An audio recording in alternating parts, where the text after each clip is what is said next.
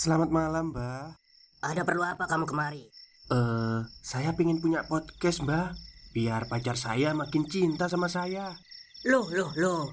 Mau bikin podcast kok tanya dukun? Sekarang kamu download aplikasi Anchor.fm. Di situ kamu bisa buat podcast gratis dan podcast kamu bisa didistribusikan ke platform mana pun. Dan di aplikasi atau website Anchor.fm juga terdapat fitur-fitur yang memudahkan kamu untuk membuat podcast. Oh, gitu ya, Mbak. Kalau gitu, saya boleh minta password wifi-nya, Mbak. Buat apa? Buat download Anchor.fm, Mbak.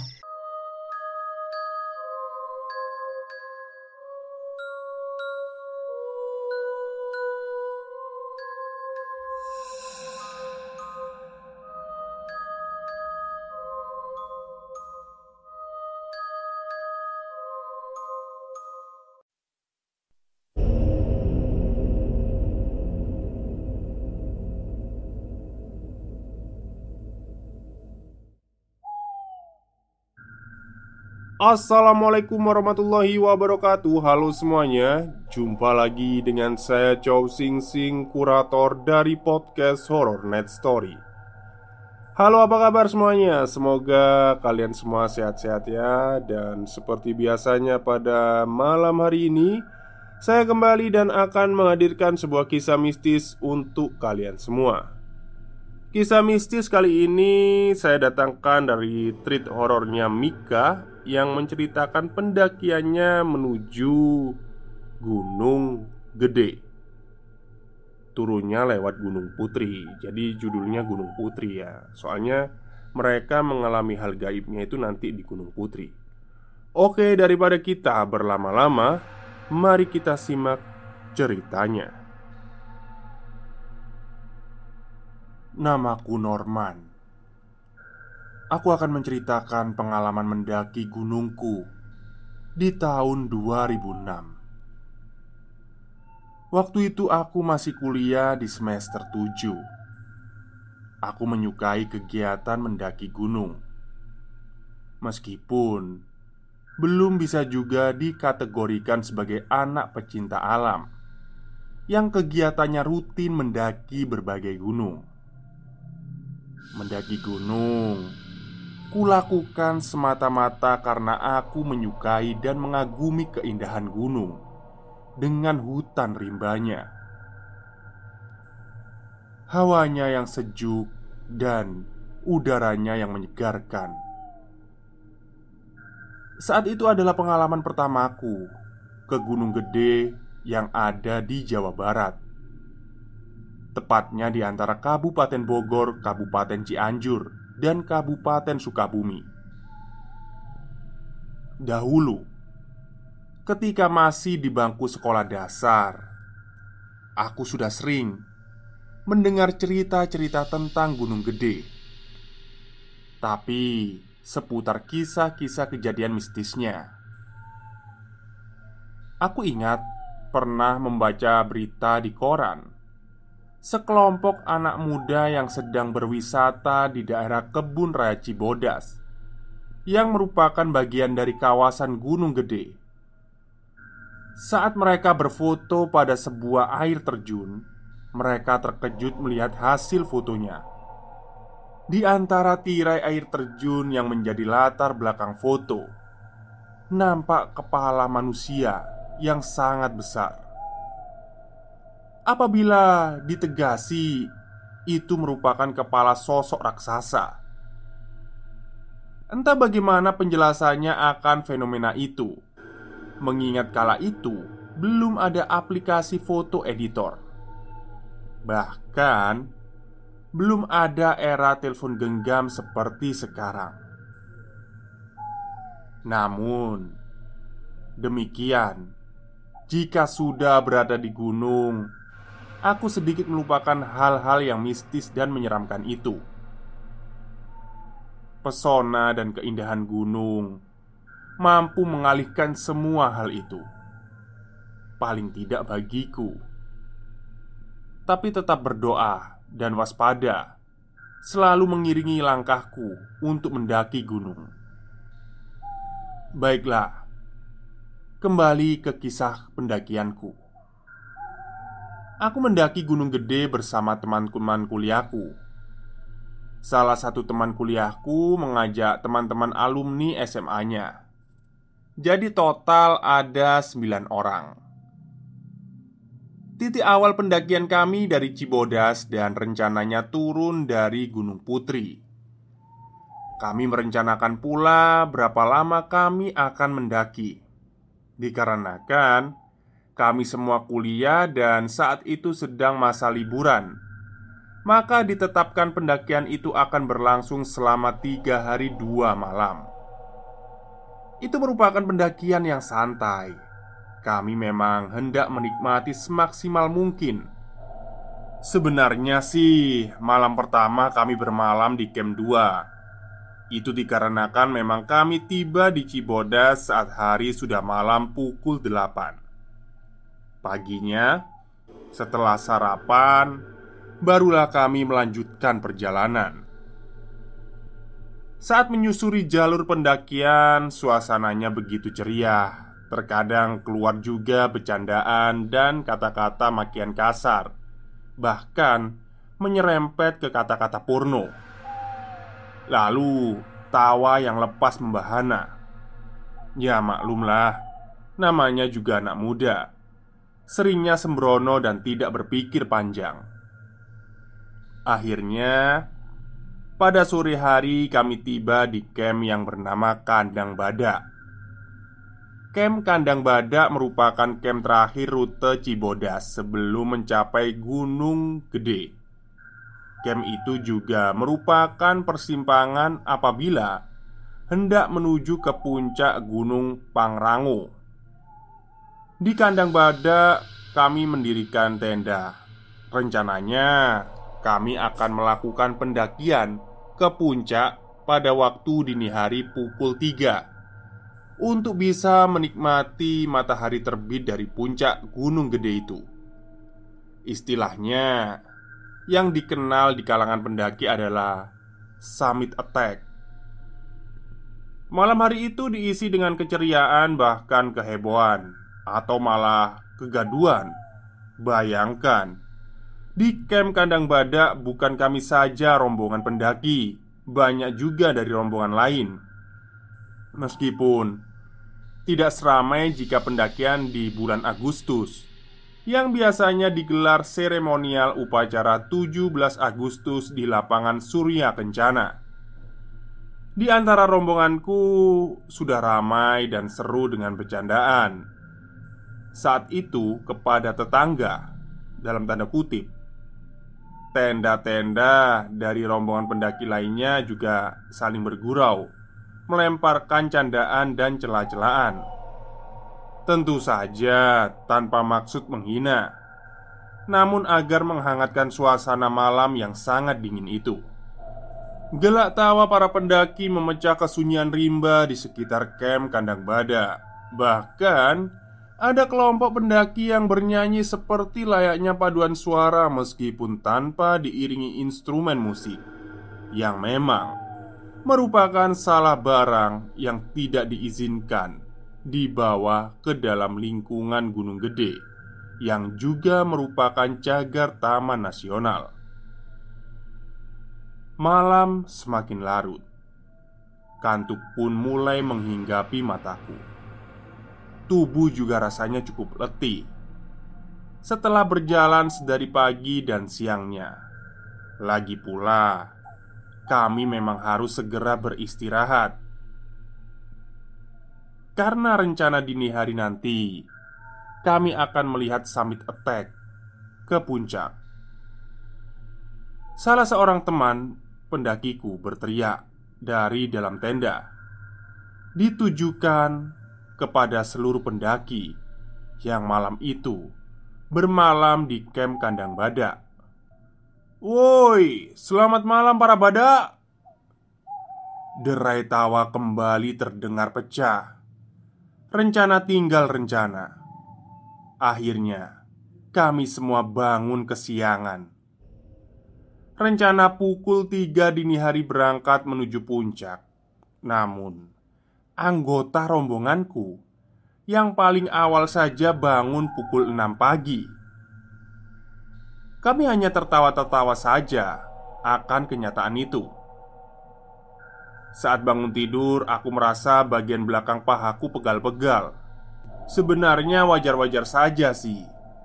Jika para pendaki, bagian kakilah yang paling terasa pegal. Karena berjalan cukup jauh dan menanjak pula, ditambah lagi beban bawaan dalam tas karir. Untuk mengurangi rasa pegal itu dan agar siap kembali berjalan melanjutkan perjalanan, maka aku berpikir hendak mengolesi paha bagian belakangku dengan krim pereda nyeri. Untuk itu, aku perlu membuka celanaku. Dikarenakan di dalam tenda ada teman-temanku, aku merasa risih karena harus membuka celanaku di hadapan mereka. Maka terpikir pula olehku untuk melakukannya di luar tepatnya di belakang tenda. Di belakang tenda, aku menurunkan celanaku hingga hanya celana dalam saja yang kukenakan. Maaf, pantatku menghadap ke arah lebatnya pepohonan rimba itu. Baru beberapa oles krim ke belakang paha tiba-tiba terdengar ada benda jatuh. Seperti ada yang melempar sesuatu ke arahku, namun lebih tepatnya ke atas dedaunan dengan pohon di posisiku berdiri. Buk! Terdengar seperti ada yang jatuh di permukaan tanah. Saat itu aku membayangkan sesuatu yang jatuh itu adalah batu yang cukup besar jika diterka dari bunyinya saat menghantam permukaan tanah. Lalu dedaunan dari atas pohon berguguran. Beberapa ranting kecil juga turut turun. Aku terkejut, lalu menoleh ke belakang, kemudian ke sekeliling. Aku tak melihat apa pun, orang, hewan liar, tidak ada siapa-siapa. Bahkan bunyi berdebam yang kudengar, batu pun tidak kulihat sama sekali. Karena logikanya, jika itu batu, pastilah akan terlihat dan menggelinding pada permukaan tanah yang tidak terlalu rata itu. Aku benar-benar tidak bisa memastikan asal suara itu dan apakah itu. Beberapa teman-temanku keluar dari tenda dan bertanya-tanya. Ih, apaan tuh man? Gak tahu Jawabku. Bahkan pendaki dari rombongan lain yang tendanya didirikan tidak jauh dari tenda kami Mereka mendengar juga Lalu bertanya hal yang sama padaku. Ya, aku menjawab tidak tahu kepada mereka Aku merasa ada yang tidak beres. Kemudian aku berkata lirih, "Maaf, maaf, entah kepada siapa." Segera saja aku menyudahi mengolesi pahaku dengan krim dan bergabung kembali dengan teman-temanku yang sedang bersiap-siap untuk sarapan. Pukul 10 menjelang siang, kami melanjutkan perjalanan menuju Gunung Gede Keceriaan bersama teman-teman saat berjalan membuatku lupa atas kejadian tadi pagi. Semakin dekat ke puncak, tibalah kami pada satu titik pendakian yang paling menantang adrenalin para pendaki. Sebuah tanjakan yang dinamai Tanjakan Setan. Tanjakan itu memang tidak terlalu tinggi, sekitar 10 sampai 15 meter. Namun, tingkat kemiringannya nyaris 90 derajat. Untuk dapat melewatinya, para pendaki harus berpegangan pada tali yang kuat yang tersedia, dan posisi pijakan kaki harus benar-benar dipastikan bertumpu pada permukaan yang kokoh. Apabila pegangan tali terlepas atau pijakan longsor, dapat dipastikan pendaki akan mengalami cedera yang cukup serius jika sampai terjatuh. Maka dari itu, konsentrasi dan kehati-hatian tetap diperlukan. Rombongan kami berhasil melewati tanjakan setan itu tanpa halangan yang berarti. Sesampai di atas, kami tidak langsung melanjutkan perjalanan dikarenakan melihat landscape pemandangan yang indah. Pemandangan sekitar tanjakan setan adalah bukit-bukit dengan hamparan lautan hijau, rimba, belantara, yang diselimuti oleh kabut putih pada beberapa bagian. Kita bahkan mendapatkan pemandangan penglihatan burung dikarenakan posisinya berada pada ketinggian. Tak dinyata, salah seorang temanku tiba-tiba berteriak, "Anya!" Kemudian terdengar, "Nya, nya, nya, nya." Entah siapa Anya, mungkin pacarnya kami jadi tertawa dibuatnya. Aku pun berpikir cukup seru juga mendengar gema yang kita teriakkan. Lalu, hal yang sama diikuti oleh yang lain, termasuk aku, memanggil nama-nama pujaannya masing-masing. Hingga akhirnya nama-nama yang tak jelas siapa keluar Munaro, roh, roh, roh, roh. Pokoknya banyak lah ya. Masa saya sebutkan semua. Oke lah. Mereka semakin ngacau. Lalu temanku berpikir usil. Dia berteriak, "Bang, bang, abang bakso, so, so." Pokoknya bercanda lah ya Akhirnya ada seseorang nyeletuk Lu tahu nggak? Ini kan tanjakan Nah, lu pada saya tanya ha, Tawa kembali pecah Tidak lama kemudian Tiba juga kami di puncak gunung gede Lantas kami berfoto-foto di sana Lubang kawah berdiameter sangat lebar dan dalam terlihat kepulan asap seperti awan yang besarnya tidak seberapa menyembul dari bawahnya. Sungguh pemandangan yang luar biasa indahnya dan membuatku takjub. Setelah bersantap siang, lanjut beristirahat sebentar, kami pun melanjutkan perjalanan ke alun-alun Surya Kencana. Aku bersama temanku di alun-alun Surya Kencana. Tiba di lapangan atau alun-alun Surya Kencana Hari sudah menjelang sore. Saat itu suasananya sudah temaram Meskipun masih sekitar pukul 5 sore Hal itu disebabkan juga oleh kabut. Alun-alun Surya Kencana merupakan sebuah lahan yang sangat lapang Bagaikan sabana.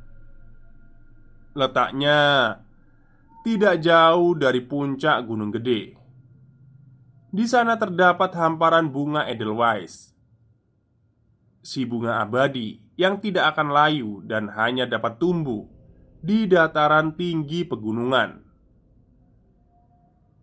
Di Surya Kencana juga merupakan titik temu pendaki yang hendak menuju puncak Gunung Gede atau Parangro yang berangkat dari basecamp Gunung Putri ataupun Salabintana, Sukabumi.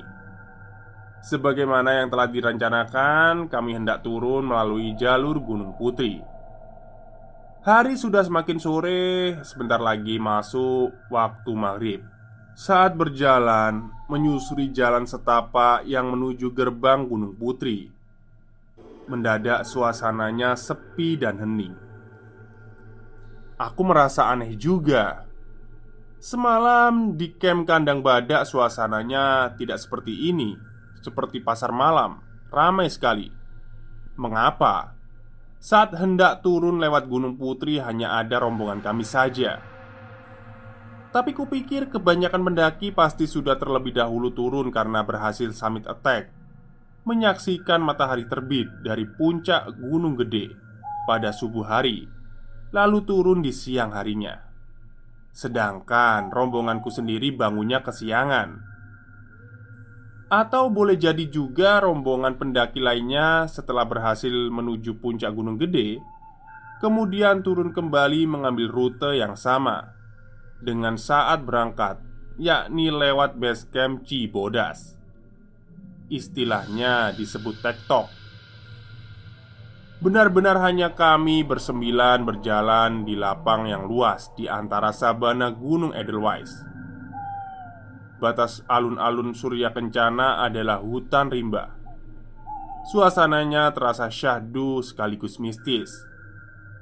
Kali ini aku dan rombongan tidak banyak bersenda gurau. Suasana sedikit muram. Mungkin faktor kami sudah cukup kelelahan, atau bisa juga sebagaimana yang aku rasa. Teman-temanku juga merasa di antara rerimbunya lebatnya pohon yang menghitam, ada sesuatu yang memperhatikan kami. Entah langkah kami mengantar pada gerbang masuk menuju hutan rimba Gunung Putri. Waktu menunjukkan pukul 6 sore. Sudah masuk waktu maghrib. Karena pertimbangan kami sudah terlalu banyak istirahat, maka diputuskan untuk tetap melanjutkan perjalanan. Rencananya untuk istirahat nanti saja sekalian jika sudah sampai di desa yang ada di kaki Gunung Putri. Saat memasuki gerbang Gunung Putri yang saat itu hanya terbuat dari kayu, aku merasa seperti memasuki dimensi lain. Suasananya berubah lebih gelap dikarenakan vegetasi yang cukup rapat. Kami pun berjalan dengan menyalakan senter genggam. Beberapa temanku memakai senter kepala. Oh ya, aku lupa menyampaikan di awal. Uh, ada salah seorang pendaki kami perempuan, peserta pendaki kami perempuan Bahkan dia adalah satu-satunya peserta perempuan. Namanya Tami. Ya meskipun dia perempuan yang cukup tangguh Selama pendakian dia tidak ingin dimanjakan. Meskipun kami semua laki-laki yang melindunginya semaksimal mungkin. Namun Semenjak di Surya Kencana kondisi tubuh Tami menurun. Dia sangat kelelahan maka dari itulah saat berjalan menapaki hutan rimba gelap pekat Gunung Putri Kami tidak dapat berjalan bergegas. Meskipun sebenarnya kami dapat melakukannya. Perjalanan turun gunung selalu lebih cepat daripada saat mendaki Dikarenakan tidak melawan gravitasi. Bahkan beberapa pendaki saat turun gunung Ada yang mampu sambil setengah berlari kami jadi lebih sering berhenti sejenak untuk memastikan Tami baik-baik saja. Saat pemberhentian kedua, atau kira-kira setengah jam berjalan sejak dari gerbang masuk Gunung Putri, aku menyapu pandanganku ke sekeliling. Saat menengok ke arah kananku, di antara celah-celah pepohonan, aku melihat ada cahaya. Tadinya aku pikir itu adalah cahaya lampu rumah dari desa yang ada di kaki gunung. Tapi kemudian aku berpikir bahwa kami belumlah terlalu jauh dari Surya Kencana yang masih terbilang puncak gunung gede. Apakah memang desa sudah bisa terlihat? Apa yang kulihat dan pertanyaan dalam benakku kusimpan sendiri saja. Karena suasana saat itu sudah terasa tidak enak lah. Berbeda 180 derajat Dari suasana awal pendakian. Perasaanku tidak enak Aku hanya ingin segera sampai di base camp Gunung Putri. Tidak ada lagi canda dalam perjalanan turun kali ini. Kami semua seperti terhanyut dalam pikiran masing-masing Paling-paling komunikasi antar kami adalah saling mengingatkan agar hati-hati melangkah. Ketika hampir satu jam berjalan Kepalaku terasa berat.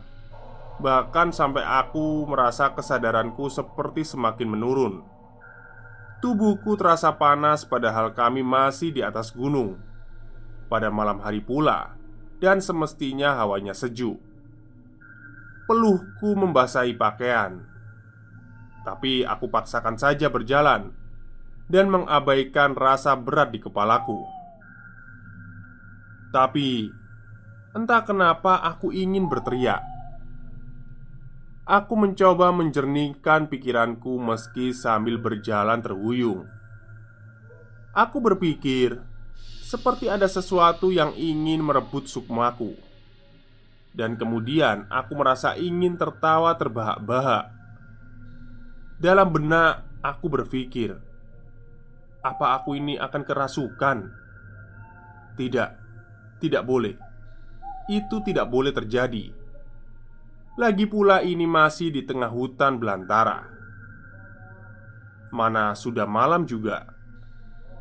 Jika terjadi apa-apa dengan rombonganku, sepertinya bantuan dari orang lain akan cukup sulit. Kataku dalam hati. Aku meminta teman-temanku berhenti sebentar untuk beristirahat karena kepalaku terasa semakin berat. Lantas aku panggil temanku Hafid Fit, tolong gue Tolong baca-bacain gue doa dong Di punuk gue Doa apa aja lah yang lo bisa. Stop, stop. Kita break sebentar. Jadi gimana? Kalian pengen punya podcast seperti saya? Jangan pakai dukun. Pakai anchor. Download sekarang juga. Gratis. Hafid langsung melakukan apa yang aku pinta.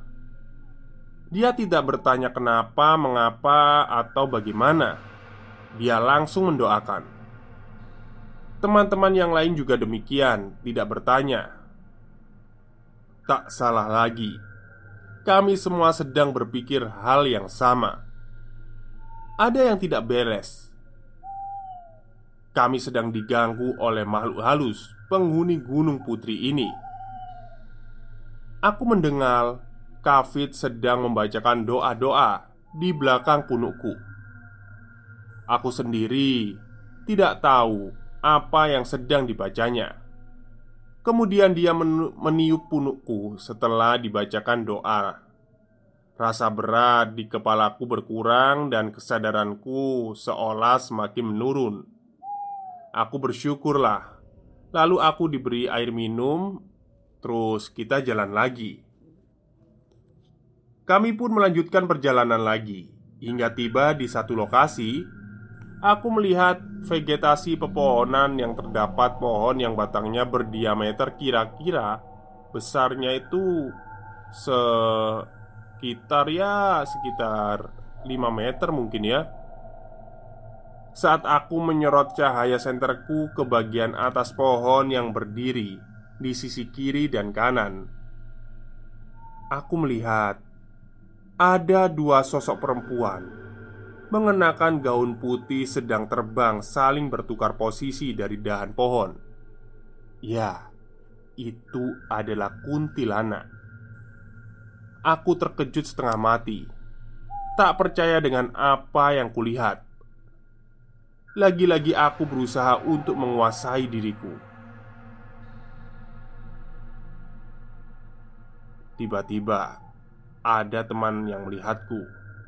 Kemudian dia ingin menyenter ke atas. Aku pun berseru, "Jangan nyenter ke atas, jangan nyenter ke atas."